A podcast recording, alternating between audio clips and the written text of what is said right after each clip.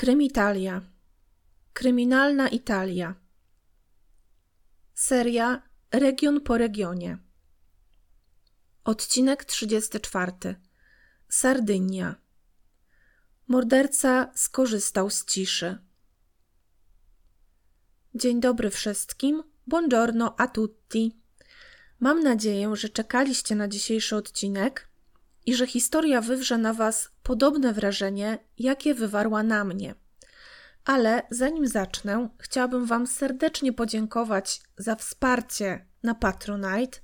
Bardzo, bardzo dziękuję moim pierwszym patronom, osobom, które zdecydowały się wesprzeć mój kanał i już zaczynam powoli myśleć nad tym, jakie niespodzianki dla Was przygotować do naszej busta sorpresa, tak żeby Wam się podobały i żebyście jeszcze chętniej mnie wspierali, a dzięki temu kanał się będzie rozwijał.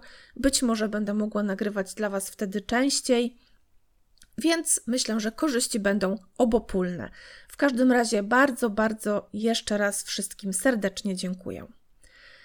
Jesteśmy dziś na Sardynii, pięknej włoskiej wyspie, stanowiącej zarazem odrębny administracyjnie region.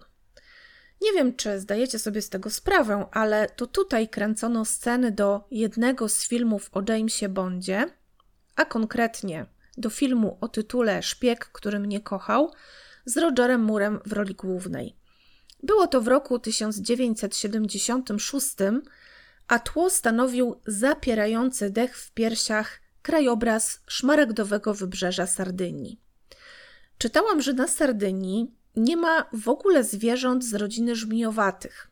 A to dlatego, że wyspa odłączyła się od stałego lądu około 25 milionów lat temu. Te liczby są zawsze dla mnie po prostu niewyobrażalne.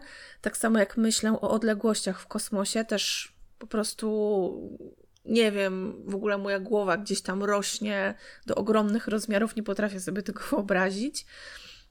W każdym razie e, Sardynia odłączyła się od stałego lądu te 25 milionów lat temu i żmijowate nie zdążyły się na niej tak zwyczajnie pojawić. Jeśli ktoś lubi owoce morza, to warto spróbować spaghetti z jeżowcami, które są tutaj wyławiane mniej więcej od kwietnia do listopada, a z bardziej klasycznych dań większości pewnie przypadną do gustu kulur jones – jest to rodzaj domowych gnocchi nadziewanych kremem ziemniaczanym z miętą, podawanych ze świeżym sosem pomidorowym i bazylią lub z masłem i szałwią. Zanim przejdę do historii właściwej, przenieśmy się jeszcze na chwilę do Lombardii, do San Donato Milanese. Jest rok 2005. 42-letnia pielęgniarka Elena Kazula wzywa do domu policję Funkcjonariusze znajdują ją całą we łzach u stóp łóżka, na którym leży ciało 40-letniej lekarki Marii Tocco. Roztrzęsiona Elena zostaje zatrzymana, ponieważ, jak od razu wyznaje policjantom, to właśnie ona udusiła swoją partnerkę poduszką. W przeszłości miała problemy z alkoholem, chodziła nawet na odwyk i jakoś udało jej się wyjść na prostą. Niestety, kilka miesięcy wcześniej wróciła do picia i to właśnie stało się powodem licznych awantur z partnerką. Lekarka zdecydowała, że nie wytrzyma tego dłużej, wyprowadziła się ze wspólnego mieszkania i chciała zerwać ten związek. Panie widywały się jednak dalej, ponieważ pracowały w tym samym szpitalu. Maria jako internistka, a Elena, jak wspomniałam, jako pielęgniarka. Zdarzyło się też, że widywały się mimo wszystko dalej poza pracą. W styczniu Elena zadzwoniła do byłej partnerki i poprosiła, aby ta do niej przyszła pod pretekstem oddania jej pierścionka. Jak zezna, chciała zrobić wszystko, żeby kobieta do niej wróciła i żeby znowu mogły być razem. Niestety, kiedy Maria pojawiła się na miejscu, Elena zdążyła już w siebie wlać trzy litry wina z kartonu. Wybuchła więc kolejna kłótnia, aż w pewnym momencie Elena zaczęła dusić Marię szalikiem. Kiedy kobieta straciła przytomność, dokończyła dzieła używając tym razem poduszki. zaraz później zadzwoniła po policję. Po przyjeździe funkcjonariuszy wydawała się na samym początku myśleć dość jasno, no bo wszystko opowiedziała dokładnie ze szczegółami, ale zaraz później próbowała popełnić samobójstwo, rzucając się z okna. Jednak policjantom udało się to udaremnić. Jak już powiedziałam, nie jest to nasza właściwa historia, ale łączy się z Eleną, ponieważ dotyczy jej byłego męża. A nazywa się on Gianfranco Cherubini i oboje pochodzą z Sardynii. Natomiast pięć lat po rozwodzie z Eleną mężczyzna związał się z kolejną kobietą o imieniu i nazwisku Maria Pina Sedda i zamieszkali razem w Nuoro na Sardynii, w mieście liczącym sobie około 34 tysięcy mieszkańców. Elena była żona, wyprowadziła się, jak już wiecie, na północ do San Donato Milanese, gdzie już wkrótce zostanie oskarżona o zabójstwo partnerki. Wróćmy jednak do Gianfranca i jego drugiej żony i do roku 2002. Maria Pina jest osobą niesłyszącą, a pracuje w czymś, co po włosku nazywa się Ufficio del Registro, a jest to, tłumaczę za słownikiem prawniczym Brocardi, urząd zajmujący się poborem podatku rejestracyjnego oraz rejestracją i przechowywaniem dokumentów podlegających temu podatkowi. Jest częścią administracji finansowej państwa. Gianfranco z kolei zajmuje się transportem i dystrybucją butli tlenowych. Para ma razem trzyletnią córkę, natomiast z poprzedniego małżeństwa z Eleną Gianfranco dzieci nie posiada. 23 lipca 2002 roku rodzina Marii Piny wszczyna alarm, kiedy kobieta nie pojawia się w pracy.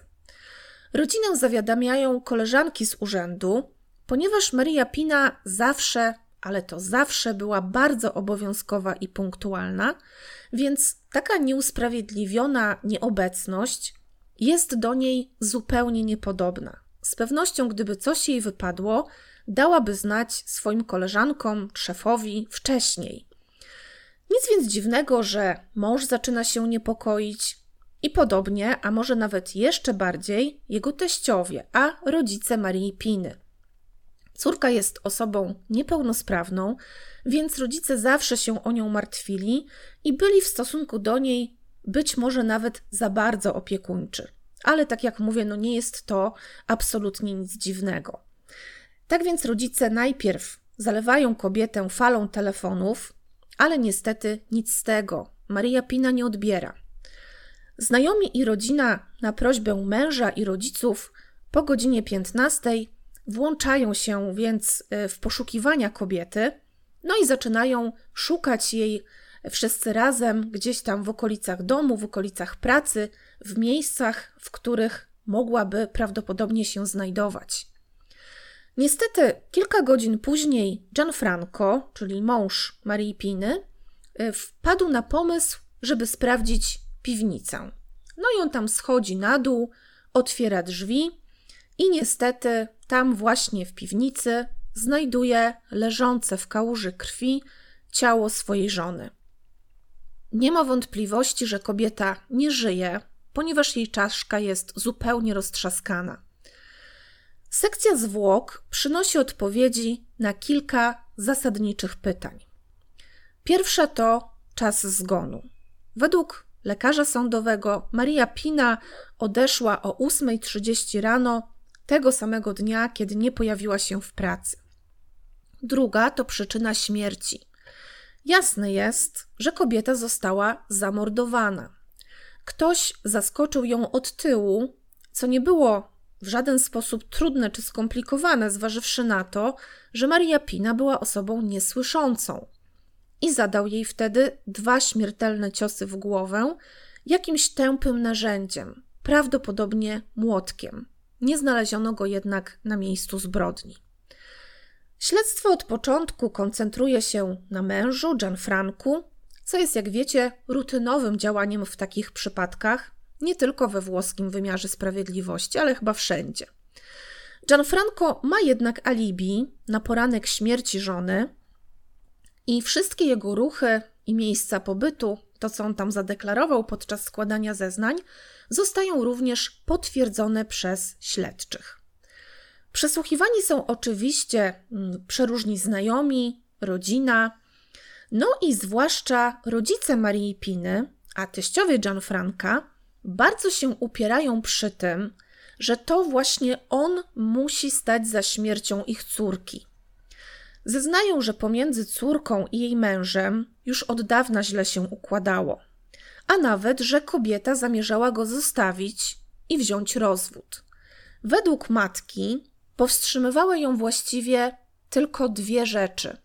Po pierwsze, strach przed utratą życia, na jakie sobie bardzo ciężko zapracowała pomimo swojego deficytu, a po drugie, obawa, że ze względu na niepełnosprawność sąd przyzna całkowitą, całkowitą opiekę nad córką Gianfrancowi, a nie jej. Zanim przejdę dalej ze śledztwem i podejrzeniami rodziców, opowiem Wam nieco więcej o Marii Pinie i Gianfrancu.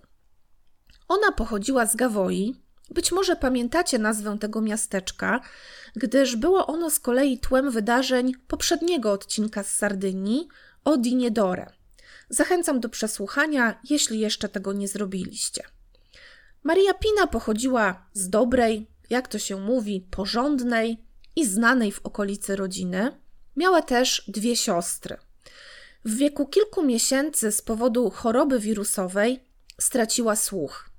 I często bywa tak, że osoba niesłysząca nie potrafi też mówić, no bo nie słyszy, tak sobie to wyobrażam, że nie słyszy swojego własnego głosu, więc jest wtedy bardzo ciężko wydawać te dźwięki, kiedy sami ich nie potrafimy odebrać, usłyszeć.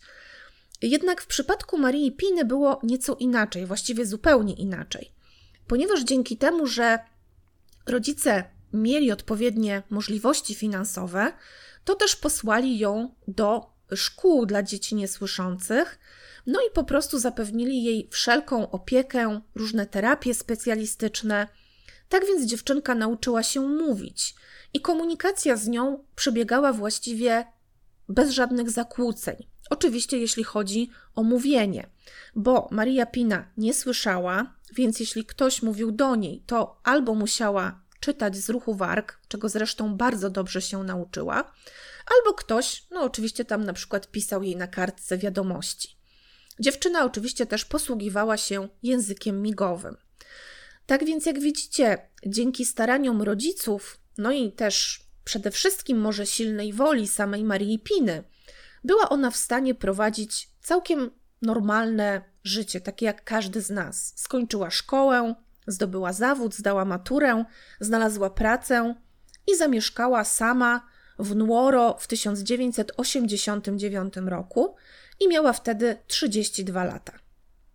Gianfranco z kolei pochodził z Nuoro. To już Wam wspomniałam, tak jak zresztą też jego była żona. Od samego początku nie był zbyt wielkim fanem nauki, w przeciwieństwie do swojej przyszłej żony. Tak więc, kiedy tylko miał szansę, kiedy był w stanie, od razu zaczął pracować, żeby zarabiać na swoje utrzymanie. Najpierw pracował jako ochroniarz w banku, a później, jak wiecie, zajmował się transportem butli tlenowych. W 1989 roku mężczyzna miał 28 lat, a więc 4 lata mniej od Marii Piny, i to właśnie w tym roku para się poznała. I było to tak, że kobieta weszła sobie do banku, w którym Gianfranco pracował jako ochroniarz, no bo tam chciała pozałatwiać jakieś sprawy. I od słowa do słowa ona chyba tam go zapytała o jakąś informację, do jakiego tam okienka ma podejść, i tak zaczęli ze sobą rozmawiać. Co bardzo ciekawe i chyba pokazuje też, jak dzielną i pełną samozaparcia osobą była Maria Pina, to Gianfranco na początku nawet się nie zorientował, że ma ona jakiś problem ze słuchem. Oczywiście zauważył, że mówi nieco inaczej, w taki szczególny sposób, mm, artykułuje te, te, te głoski, wyrazy, ale pomyślał sobie, że może nie pochodzi z Sardynii, może jest, nie jest na przykład w ogóle Włoszką i dlatego mówi tak troszkę inaczej. W ogóle mu do głowy nie przyszło, że może tutaj chodzić o brak słuchu. Para spotkała się przypadkowo jeszcze kilka następnych razy, aż w końcu mężczyzna postanowił zaprosić Marię Pinę na kolację. No i dopiero wtedy na tej kolacji, można powiedzieć pierwszej oficjalnej randce, dowiedział się, że jest ona osobą niesłyszącą, ale zupełnie mu to nie przeszkadzało, no bo on to później tak wytłumaczy, że przecież byli w stanie zupełnie sprawnie się ze sobą komunikować, porozumiewać. Tak więc ta niepełnosprawność Marii Piny nie była tutaj absolutnie żadną przeszkodą. Gianfranco też powiedział jej od razu, że ma już za sobą jedno małżeństwo nieudane, które zakończyło się rozwodem, tak więc nie było tu żadnych niedomówień, żadnych tajemnic. Można powiedzieć, że oboje zaczęli ten związek z zupełnie czystą kartą. Oboje też od razu przypadli sobie wzajemnie do gustu i już po kilku miesiącach od tego pierwszego spotkania w banku zaczęli stanowić oficjalnie parę. Maria Pina przedstawiła też oczywiście dość szybko Gianfranca swojej rodzinie, z którą była dość mocno związana, no ale niestety rodzina nie była tak do końca zachwycona wyborem córki. Rzucała im się trochę w oczy ta różnica wykształcenia pomiędzy nimi, różnica priorytetów życiowych itd. Poza tym rodzice e, martwili się o Marię Pinę być może nawet bardziej niż powinni, no właśnie ze względu na tę jej niepełnosprawność. Ona jednak była dziewczyną o bardzo silnym charakterze. Na pewno nie można powiedzieć, że była jakaś tam uległa. Miała zdecydowanie swoje zdanie. Y, I kiedy sobie coś postanowiła, to starała się to zrealizować. Tak więc, pomimo dąsów całej rodziny, zwłaszcza jednak sióstr i matki, no bo ojciec raczej starał się wspierać córkę w jej wyborze, to znaczy nie był tak otwarcie przeciwny, nie komentował tego w jakiś mm, taki niemiły sposób. Tak więc, mimo tych różnych dąsów i niesnasek, ona zdecydowała się zamieszkać z Gianfrankiem. I on właśnie wprowadził się do jej mieszkania w Nuoro. Y, aby Wam przybliżyć jeszcze nieco bardziej sylwetkę Marii Piny, no to muszę dodać jeszcze kilka małych szczegółów. Oprócz tego, że była ona na zewnątrz taką osobą bardzo zdeterminowaną, upartą, potrafiła postawić na swoim, to jednak miewała na przykład zaburzenia lękowe, być może właśnie związane ze swoim deficytem słuchu. I przez to na przykład bardzo dużo paliła, czasami dwie paczki dziennie. Wydaje się więc możliwe, że tym swoim takim twardym, mocnym charakterem starała się trochę maskować to, że w gruncie rzeczy w środku gdzieś tam nie była tak do końca pewna siebie. Świadczyć też może o tym fakt, że była bardzo zazdrosna o swojego męża, mimo że, według jego wersji oczywiście, on nie dawał jej ku temu absolutnie żadnych powodów. Poza tym zdarzało się, no, że Maria miała taki trochę uciążliwy charakter. Na przykład dawała się we znaki swoim sąsiadom, bo nie wiem, stała sobie tam gdzieś na balkonie i beztrosko paliła i na przykład rzucała niedopałki po papierosach z tego balkonu do ogródka na dole, no co oczywiście może, e, może przeszkadzać.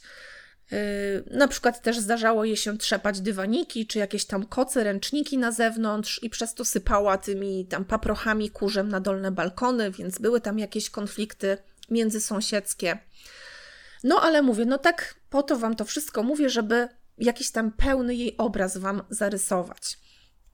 Yy, co też bardzo tutaj dość ważne i ciekawe w tej historii, yy, i też myślę, że dla samego obrazu Marii Piny dość ważne, to ona też bardzo dobrze posługiwała się telefonem komórkowym. Nie stanowiło to dla niej wielkiego problemu. Y, I na przykład robiła to w ten sposób, że, no bo oczywiście nie mogła rozmawiać tak na zasadzie jak zdrowa, słysząca osoba z, z drugą osobą słyszącą, ale na przykład dzwoniła do znajomych, bo wiecie, że mówić umiała, więc ona tam przez ten telefon opowiadała, co miała do powiedzenia, co jej tam na sercu leżało. Taki monolog prowadziła przez, przez telefon, a później odkładała słuchawkę i jej rozmówca w odpowiedzi zazwyczaj właśnie odsyłał jej wiadomości tekstowe. Y, była też taką kobietą lubiącą dbać o siebie, y, o swój wygląd. Ona codziennie robiła makijaż, używała swoich ulubionych perfum, y, bardzo też przykładała wagę do swoich strojów. No i była też atrakcyjną dziewczyną, ciemne włosy, ciemne oczy, taka wiecie, włoska uroda, zresztą zobaczycie pewnie na zdjęciach na Instagramie.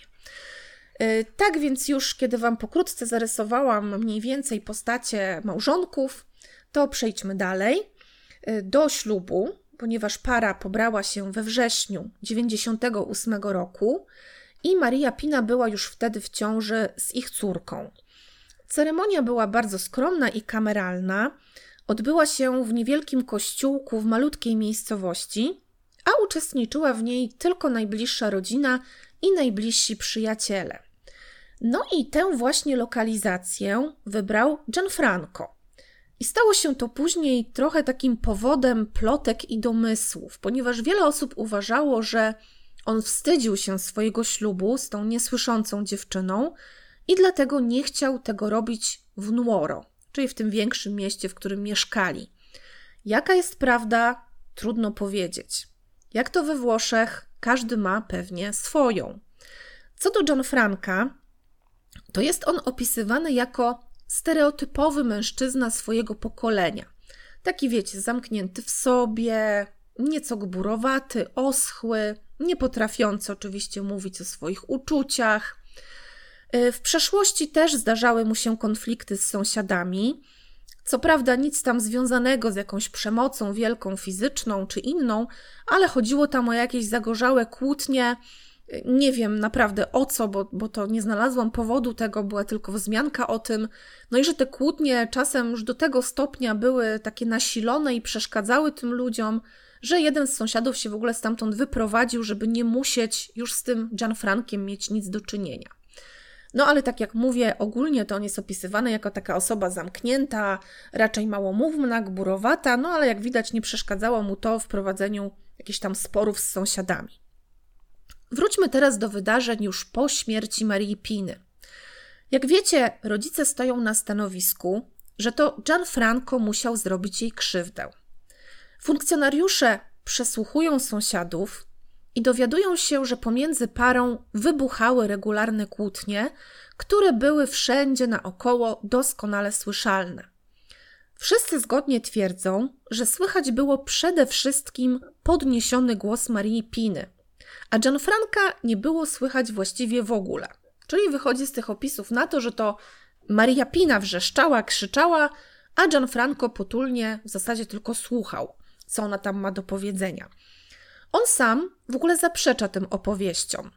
Zeznaje, że według niego to nie były kłótnie, tylko to były burzliwe dyskusje. No bo oczywiście, jak to w małżeństwie, zdarzały się pomiędzy nimi przeróżne nieporozumienia, Często mieli różne zdanie na jakiś temat, jednak nie było to nic poważnego. Raczej coś takiego, co zdarza się według niego w większości związków. Natomiast ten podniesiony głos jego żony, według Gianfranca, wynikał tylko i wyłącznie z tego, że ona, jako osoba niesłysząca, nie potrafiła tak do końca panować nad tonem i wysokością swojego głosu, stąd właśnie mogło się wydawać, że wrzeszczy, podczas gdy ona tylko z takim ożywieniem dyskutowała.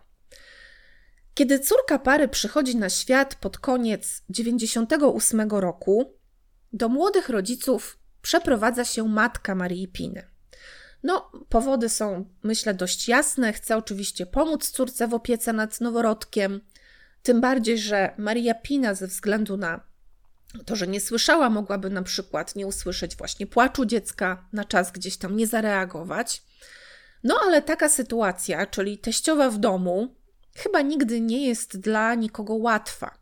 Każdy ma oczywiście swoje przyzwyczajenia i ciężko jest się dostosować do zasad panujących u kogoś innego, tak na dłuższą metę. Stąd też sytuacja w rodzinie staje się mocno napięta. Nie pomaga tutaj też fakt, że matka Marii Piny jest osobą dość despotyczną, lubi się porządzić, lubi egzekwować własne zasady.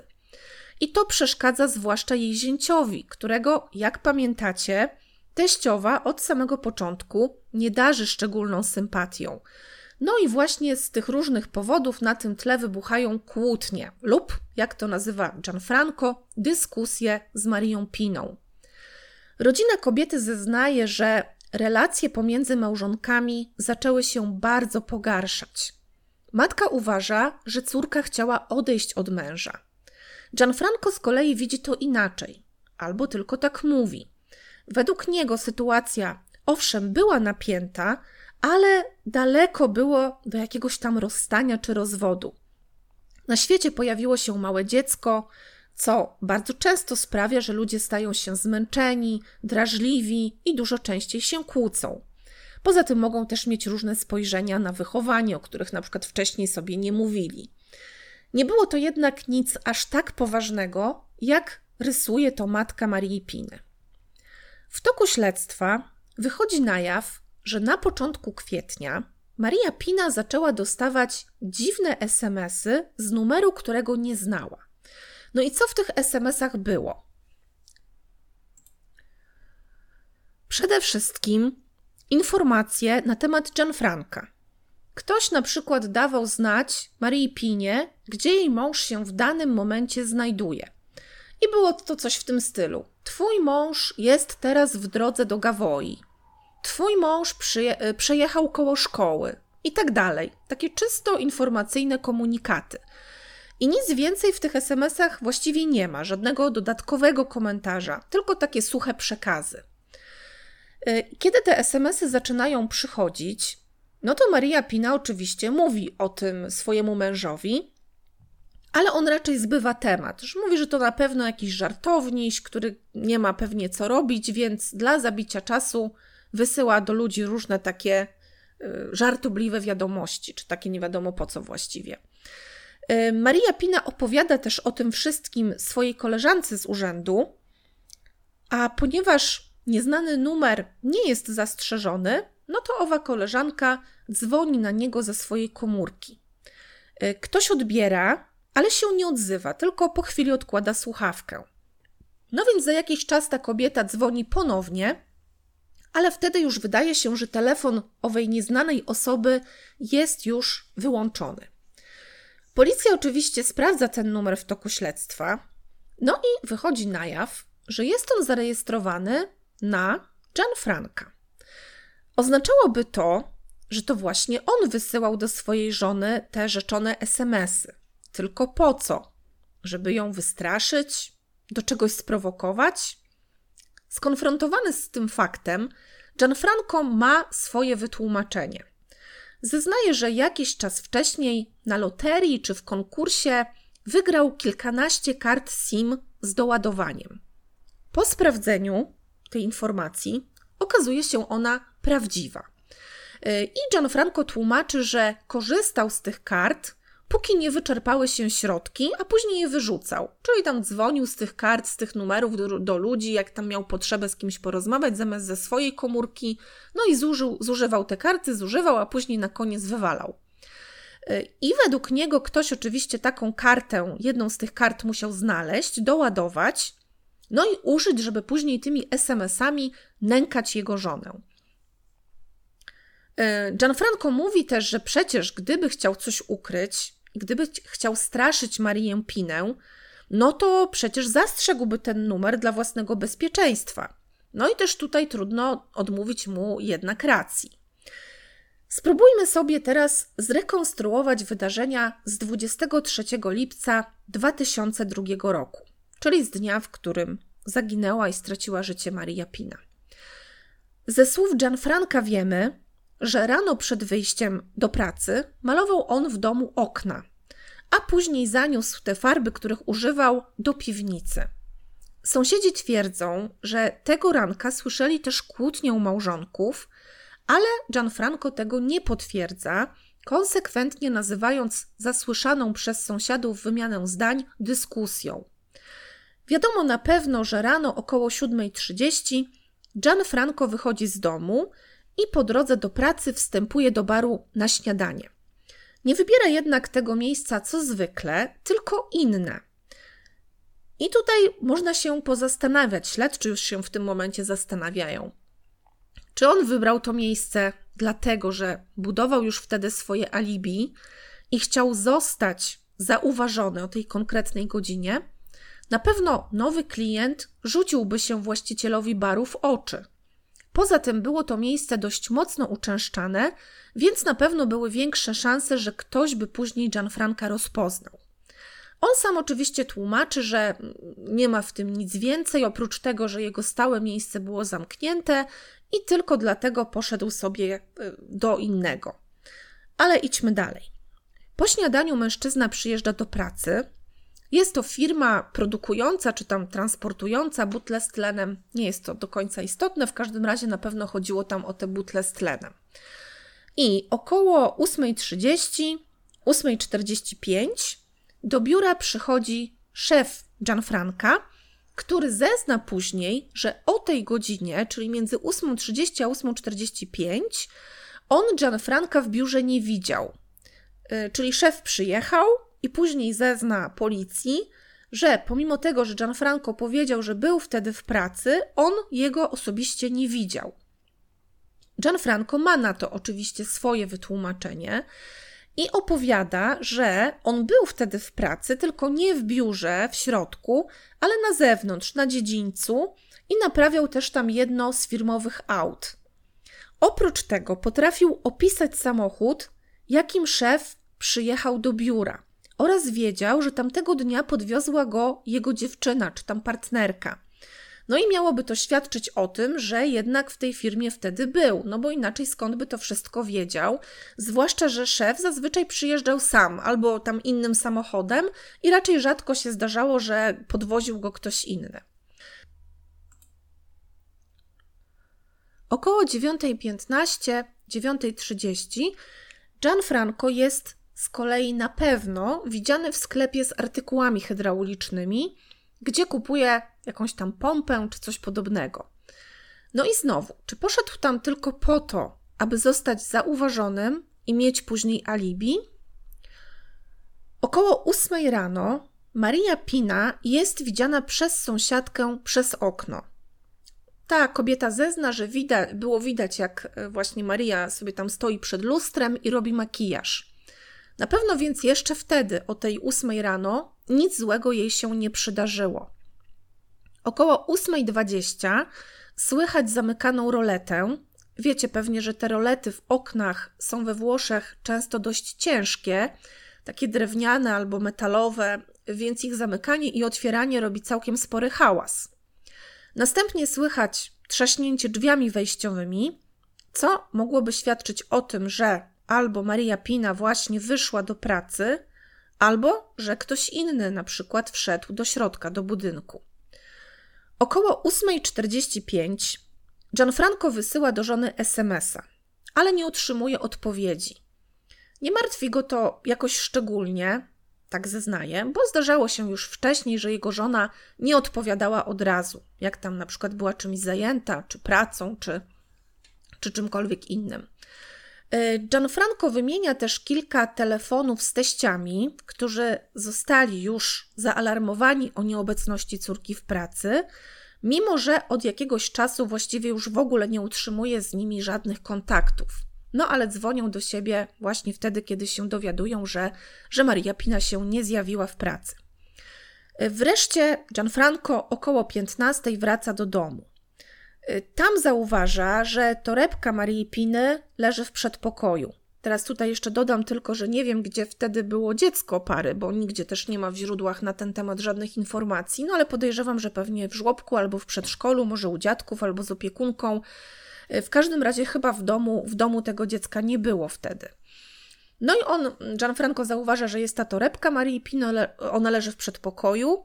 W torebce są dokumenty, jest portfel, są papierosy, komórka, czyli wszystkie te rzeczy, które mm, były jej niezbędne. Ona na pewno wzięłaby to ze sobą, gdyby faktycznie wyszła z domu.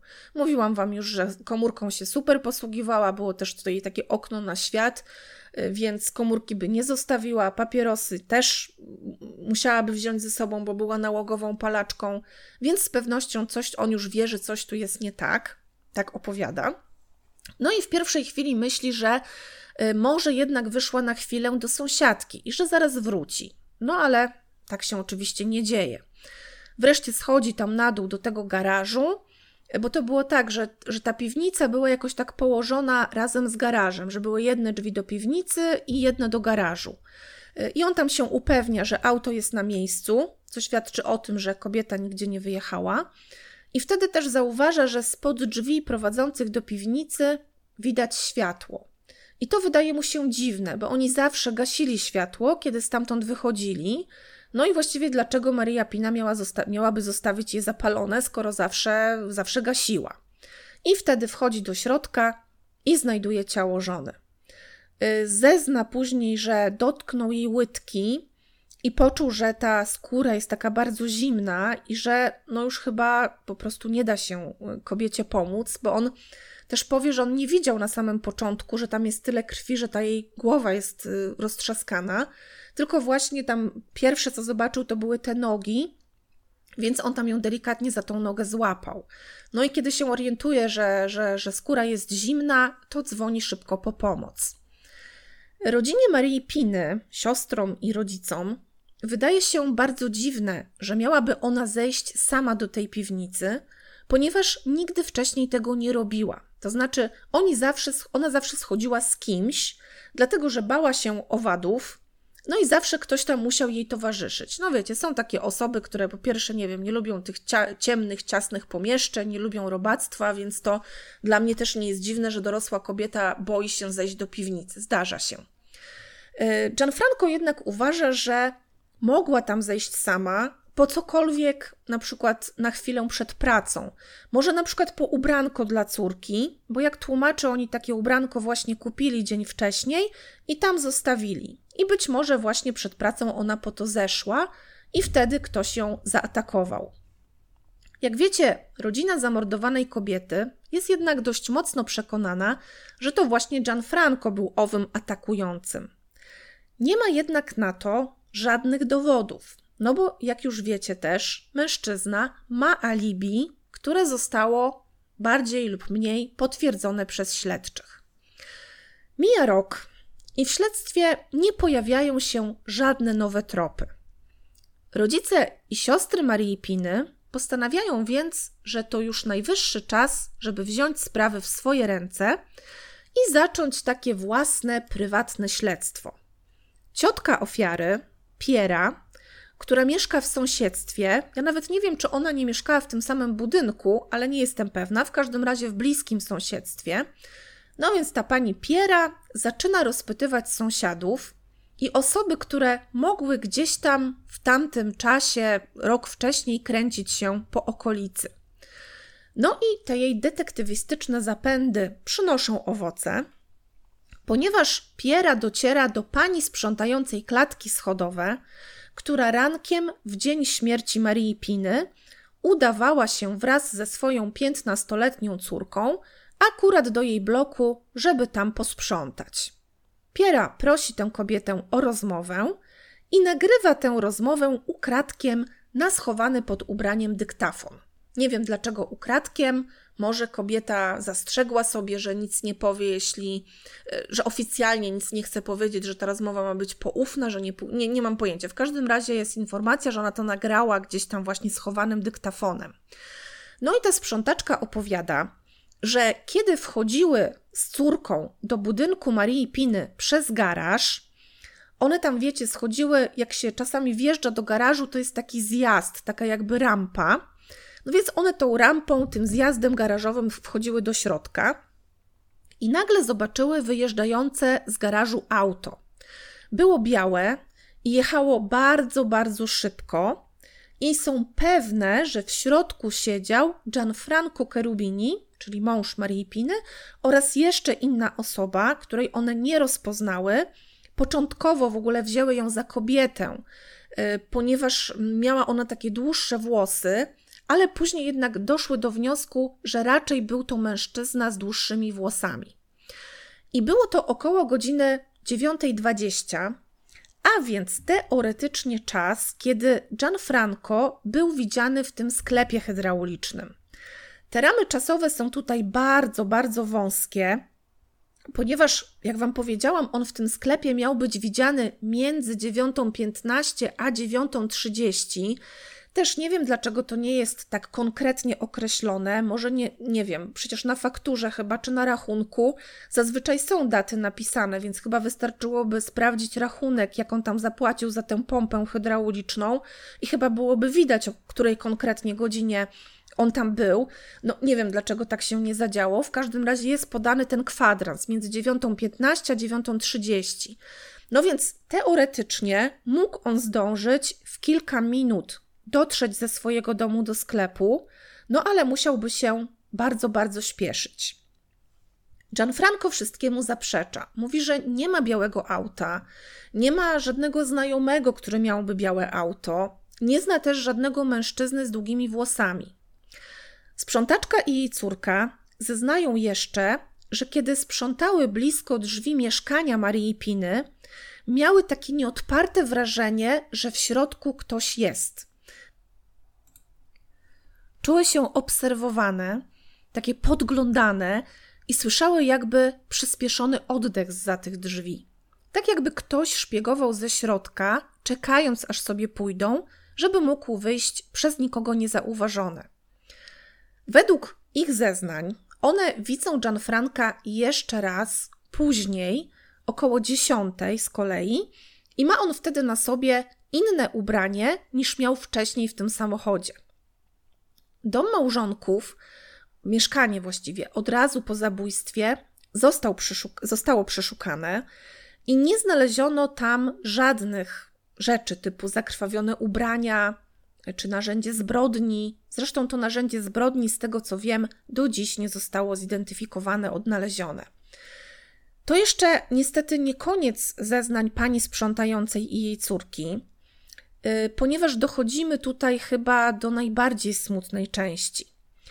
Otóż kobiety opowiadają, że po godzinie 10, kiedy przechodziły przez garaże obok uchylonych drzwi do piwnicy, usłyszały takie dziwne odgłosy. I to mm, przypominało jęki kogoś, kto być może nie czuł się dobrze, jakieś takie, wiecie, stękania, takie odgłosy kogoś, kto się źle czuje, po prostu, kto, komu, kogo, kogo coś boli na przykład. Y, I ta córka, ta piętnastolatka, podeszła nawet do tych drzwi piwnicy, ale wycofała się. I nie zrobiły nic więcej, nie weszły tam, nie sprawdziły, po prostu odeszły. Być może Maria Pina jeszcze wtedy żyła, półtorej godziny po ataku, i może dałoby się ją uratować, gdyby nie obojętność tych dwóch kobiet. Nie zmienia to oczywiście faktu, że jedynym winnym jest tutaj sprawca, ale mimo wszystko obojętność na czyjś ból czy taki brak zainteresowania, kiedy jest faktyczne podejrzenie, że kogoś spotkało coś złego, no wydają mi się ogromnie smutne, a wręcz przerażające. Ewidentnie słyszały odgłosy cierpienia i tego nie sprawdziły. Y, one obie zresztą też musiały się później bardzo szybko dowiedzieć o śmierci mieszkanki tego bloku, w którym regularnie sprzątały, no bo ta wiadomość pojawiła się od razu i w lokalnych mediach, i wszędzie, a mimo to nie pisnęły nawet słówka, nie powiedziały nic, nie poszły na policję, nie złożyły zeznań. Dopiero dzięki determinacji rodziny ofiary i tej ciotki Piery, po roku od zdarzenia, udało się te informacje od nich uzyskać. Ja też nie wiem, jak ta ciotka to zrobiła, ale podejrzewam, że to taka, wiecie, poczta pantoflowa. Gdzieś tam zapytała jedną osobę, ta jedna osoba jej powiedziała, co tam usłyszała od sąsiadki, sąsiadka dalej, no i tak od słowa do słowa pewnie dotarła akurat do tych dwóch pań. No i właśnie, głównie na zeznaniach tej pani sprzątaczki i jej córki bazuje prokuratura. Przebieg wydarzeń był według strony oskarżającej następujący. Gianfranco i Maria Pina rano 23 lipca gwałtownie się kłócą, co potwierdzają sąsiedzi. Następnie mężczyzna wychodzi z domu około 7.30, idzie do uczęszczanego baru na śniadanie, aby po około godzinie wrócić z powrotem do domu. Dlatego też jego szef nie widzi go w miejscu pracy a nie dlatego, że jak zeznał, naprawiał samochód na zewnątrz na dziedzińcu.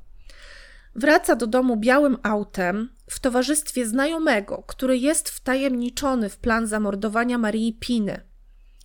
Gianfranco pod jakimś pretekstem zwabia żonę do piwnicy i tam ją zabija dwoma uderzeniami tępym narzędziem w głowę. Zostawia ją na miejscu i wraca, aby dalej zapewnić sobie alibi, czyli idzie do sklepu z hydrauliką, potem do pracy i tak dalej. W każdym razie, według strony oskarżającej, morderstwo Marii Piny zostało przez Gianfranca skrupulatnie zaplanowane. Nie była to w żadnym razie zbrodnia w afekcie, bo jeśli nawet się pokłócili, to mężczyzna miał aż godzinę, kiedy wyszedł na to śniadanie, żeby ochłonąć i uspokoić nerwy. Proces w sądzie pierwszej instancji rozpoczyna się w 2004 roku. Oskarżenie bazuje tylko i wyłącznie na poszlakach, bo nie ma żadnego fizycznego dowodu na winę Gianfranca. Kluczowe są oczywiście zeznania pani sprzątającej i jej córki, które jednak też trzeba powiedzieć mają trochę nieścisłości i luk. Przede wszystkim oprócz nich nikt nie widział Gianfranca w białym aucie w towarzystwie jeszcze jednej osoby. Nikt też nie widział go w tym zmienionym ubraniu, o jakim mówiły obie panie. Mimo to sąd orzeka, że Kerubini jest winny zabójstwa żony i skazuje go na 30 lat pozbawienia wolności.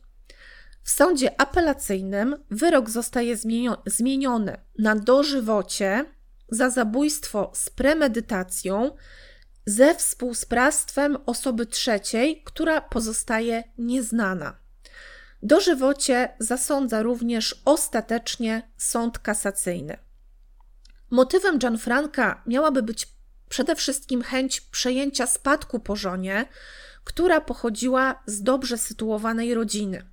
Zresztą rodzina Sedda wytoczyła również proces cywilny, żeby pozbawić Gianfranca właśnie prawa do dziedziczenia po Marii Pinie, ponieważ wygląda na to, że skazanie męża za zabójstwo żony nie oznacza z automatu w prawie włoskim, że mąż ów traci prawo do spadku. Nie wiem, jak jest w Polsce.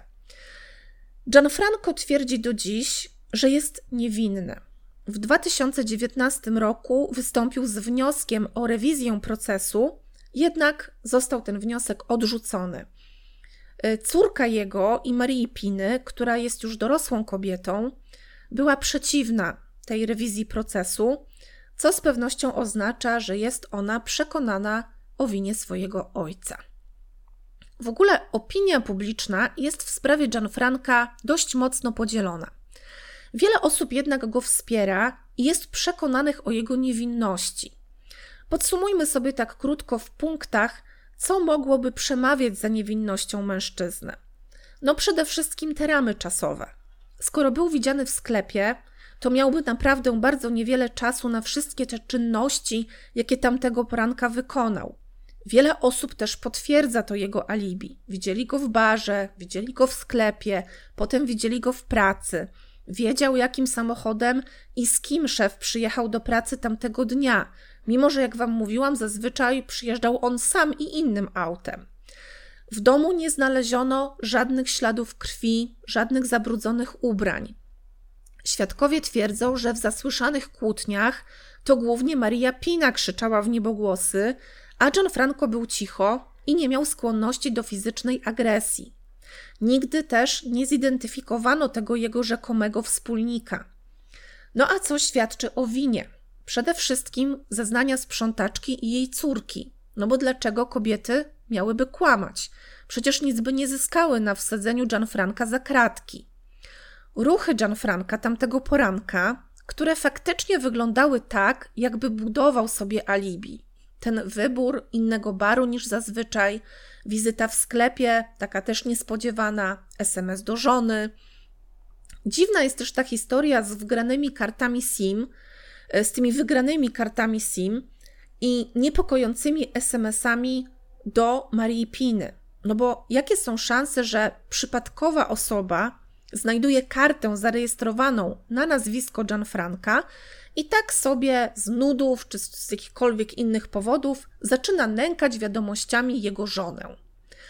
Oprócz tego napięta sytuacja w domu, konflikt z teściową, pretensje i kłótnie z Marią Piną mogły Gianfranca doprowadzić do ostateczności i być może faktycznie też połasił się na spadek po żonie.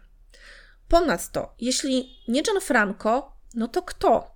Nigdy nie natrafiono na żaden inny trop, żadnego sekretnego kochanka, kogoś, kto mógłby chcieć się zemścić akurat na Marii Pinie.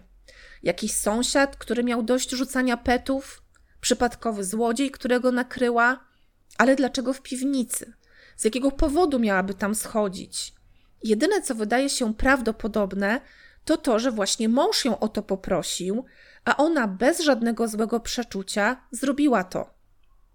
I zamykając już temat, wróćmy jeszcze do wstępu, który zrobiłam na początku odcinka. Nie ma wątpliwości, że Elena, pierwsza żona Gianfranca, zabiła swoją partnerkę Marię. No i byłaby to chyba jedyna sytuacja w swoim rodzaju, lub jedna z naprawdę bardzo nielicznych i rzadkich, gdyby okazało się, że Gianfranco również jest mordercą swojej drugiej żony, no a według sądu włoskiego tak właśnie jest. Jestem bardzo ciekawa, czy zapytano Elenę o byłego męża, kiedy został on skazany, no i co ona powiedziała, bo być może jej opowieść o tym, jaką osobą był on w małżeństwie, mogłaby rzucić więcej światła na sprawę. Nie dotarłam jednak do informacji, czy ją w jakikolwiek sposób przepytano, i nie wiem też nic na temat opinii psychiatrycznej czy psychologicznej na temat Gianfranca. Ja powiem Wam szczerze, nie jestem w stanie stwierdzić stuprocentowo, czy Gianfranco jest winny, czy nie. Uważam jednak, jak zawsze, że przy braku twardych, jasnych dowodów nie powinno się nikogo skazywać. Tak czy inaczej, zbrodnia dokonana na niesłyszącej osobie jest dla mnie tym bardziej ohydna i przerażająca, ponieważ Marii Pinie nie dano żadnych szans na obronę. Ktoś, kto pozbawia w zasadzie bezbronną osobę życia w tak okrutny sposób, zasługuje na najwyższą karę. Oglądałam też wywiad Franki Leozini z Gianfrankiem, no bo zawsze wydaje mi się łatwiej sobie wyrobić o kimś opinię, słuchając tej osoby i widząc ją, niż samych tylko opisów. No i powiem Wam szczerze, że łatwo tutaj mi nie było. Y, Gianfranco wydaje się mężczyzną, tak jak wam go opisałam na początku, takim nieco opryskliwym, twardym, trochę zamkniętym w sobie, może nawet gburowatym, ale ja akurat nie widzę w nim tego rysu psychopaty, jak na przykład u Paula Esposito, również oskarżonego o zamordowanie partnerki, czy tego dentysty z Gawoi, który zlecił zabójstwo swojej żony Diny Dore. Muszę Wam jednak jeszcze powiedzieć, co o tym wywiadzie sądzi słynna kryminolożka Ursula Franco, która często właśnie publikuje analizy wypowiedzi osób oskarżonych czy skazanych za przestępstwa. No i co ona wydobywa z tego wywiadu z Gianfrankiem? Przede wszystkim zwraca uwagę na kilka niuansów. Pamiętacie, że Gianfranco zeznał, że tamtego ranka malował okna w domu. I w wywiadzie, zapytany o poranek 23 lipca, odpowiada, że zniósł farby na dół. I e, Franco zauważa, że unika on wtedy słowa piwnica czy garaż, czyli tak jakby nie chciał wypowiedzieć nazw miejsc kojarzących się z odnalezieniem ciała Marii Piny. No i tak podobno właśnie często robią winni.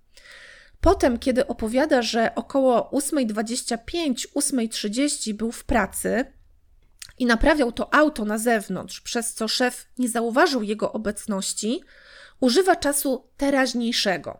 Czyli wiecie, nie mówi, że byłem y, na zewnątrz, naprawiałem auto, tylko o godzinie 8.25 jestem na dziedzińcu, naprawiam firmowe auto i tak dalej, i tak dalej. Y, I też według ekspertki zdecydowanie naturalniejsze byłoby w tej sytuacji użycie jednak czasu przeszłego, ponieważ czas teraźniejszy może tutaj świadczyć o konfabulacji. On też często zamiast odpowiadać prosto i jasno, rozwija za bardzo swoją wypowiedź, przez to się plącze i gubi. O Marii Pinie i córce mówi też tak: Kochałem Marię Pinę i moją córkę. To były jedyne rzeczy, które kochałem, a teraz nie mam ani jednej, ani drugiej. Tu naturalnie uderza słowo rzecz, użyte w odniesieniu do osób.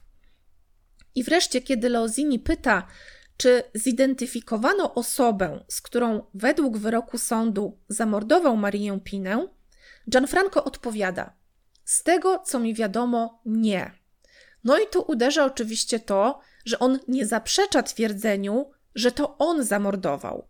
Osoba niewinna, według Ursuli Franco, zaczęłaby od razu negować lub prostować wypowiedź Leozini. Czyli powiedziałaby, ale to przecież nie ja zabiłem moją żonę, ale to i tak dalej, wiecie o co chodzi. A tu nic takiego nie następuje. No więc konkluzje Franco są takie, że Gianfranco został słusznie skazany i że to on jest mordercą swojej żony. A wy co o tym sądzicie? Winny czy niewinny? To strasznie przykre, że Marię Pinę, osobę, która tak odważnie parła do przodu, aby szczęśliwie i normalnie żyć, spotkał tak niesprawiedliwy i smutny los. Córki też mi oczywiście bardzo, bardzo szkoda, bo to kolejne dziecko, które zostało bez obojga rodziców. Dajcie proszę znać, jak zawsze, w komentarzach o Waszych odczuciach. Wpadajcie na Instagrama, na Facebooka. Zapraszam jeszcze raz na Patronite. No i słyszymy się za tydzień. Dziękuję za wysłuchanie tego odcinka. Trudno uwierzyć, że to już prawie setka za nami. Mam nadzieję, że jeszcze dużo, dużo przed nami. No i do usłyszenia. Trzymajcie się.